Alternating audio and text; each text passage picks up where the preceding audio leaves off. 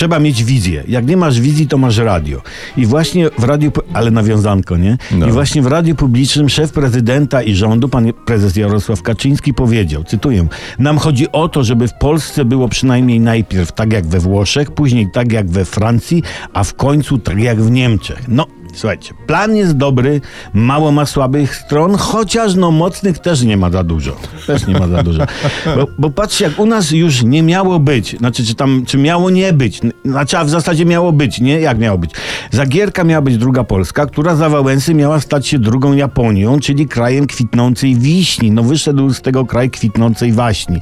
Za Tuska drugą Irlandią, później w Warszawie miał być drugi Budapeszt, a teraz patataj, Włochy, Francja, Niemcy. No, Niemcy już u nas byli.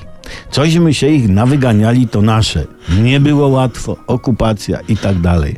A tu w przyszłości ma być w Polsce jak w Niemczech. Znaczy, Jarosław Kaczyński przewiduje, że jednak będzie w Polsce rządził Donald Tusk.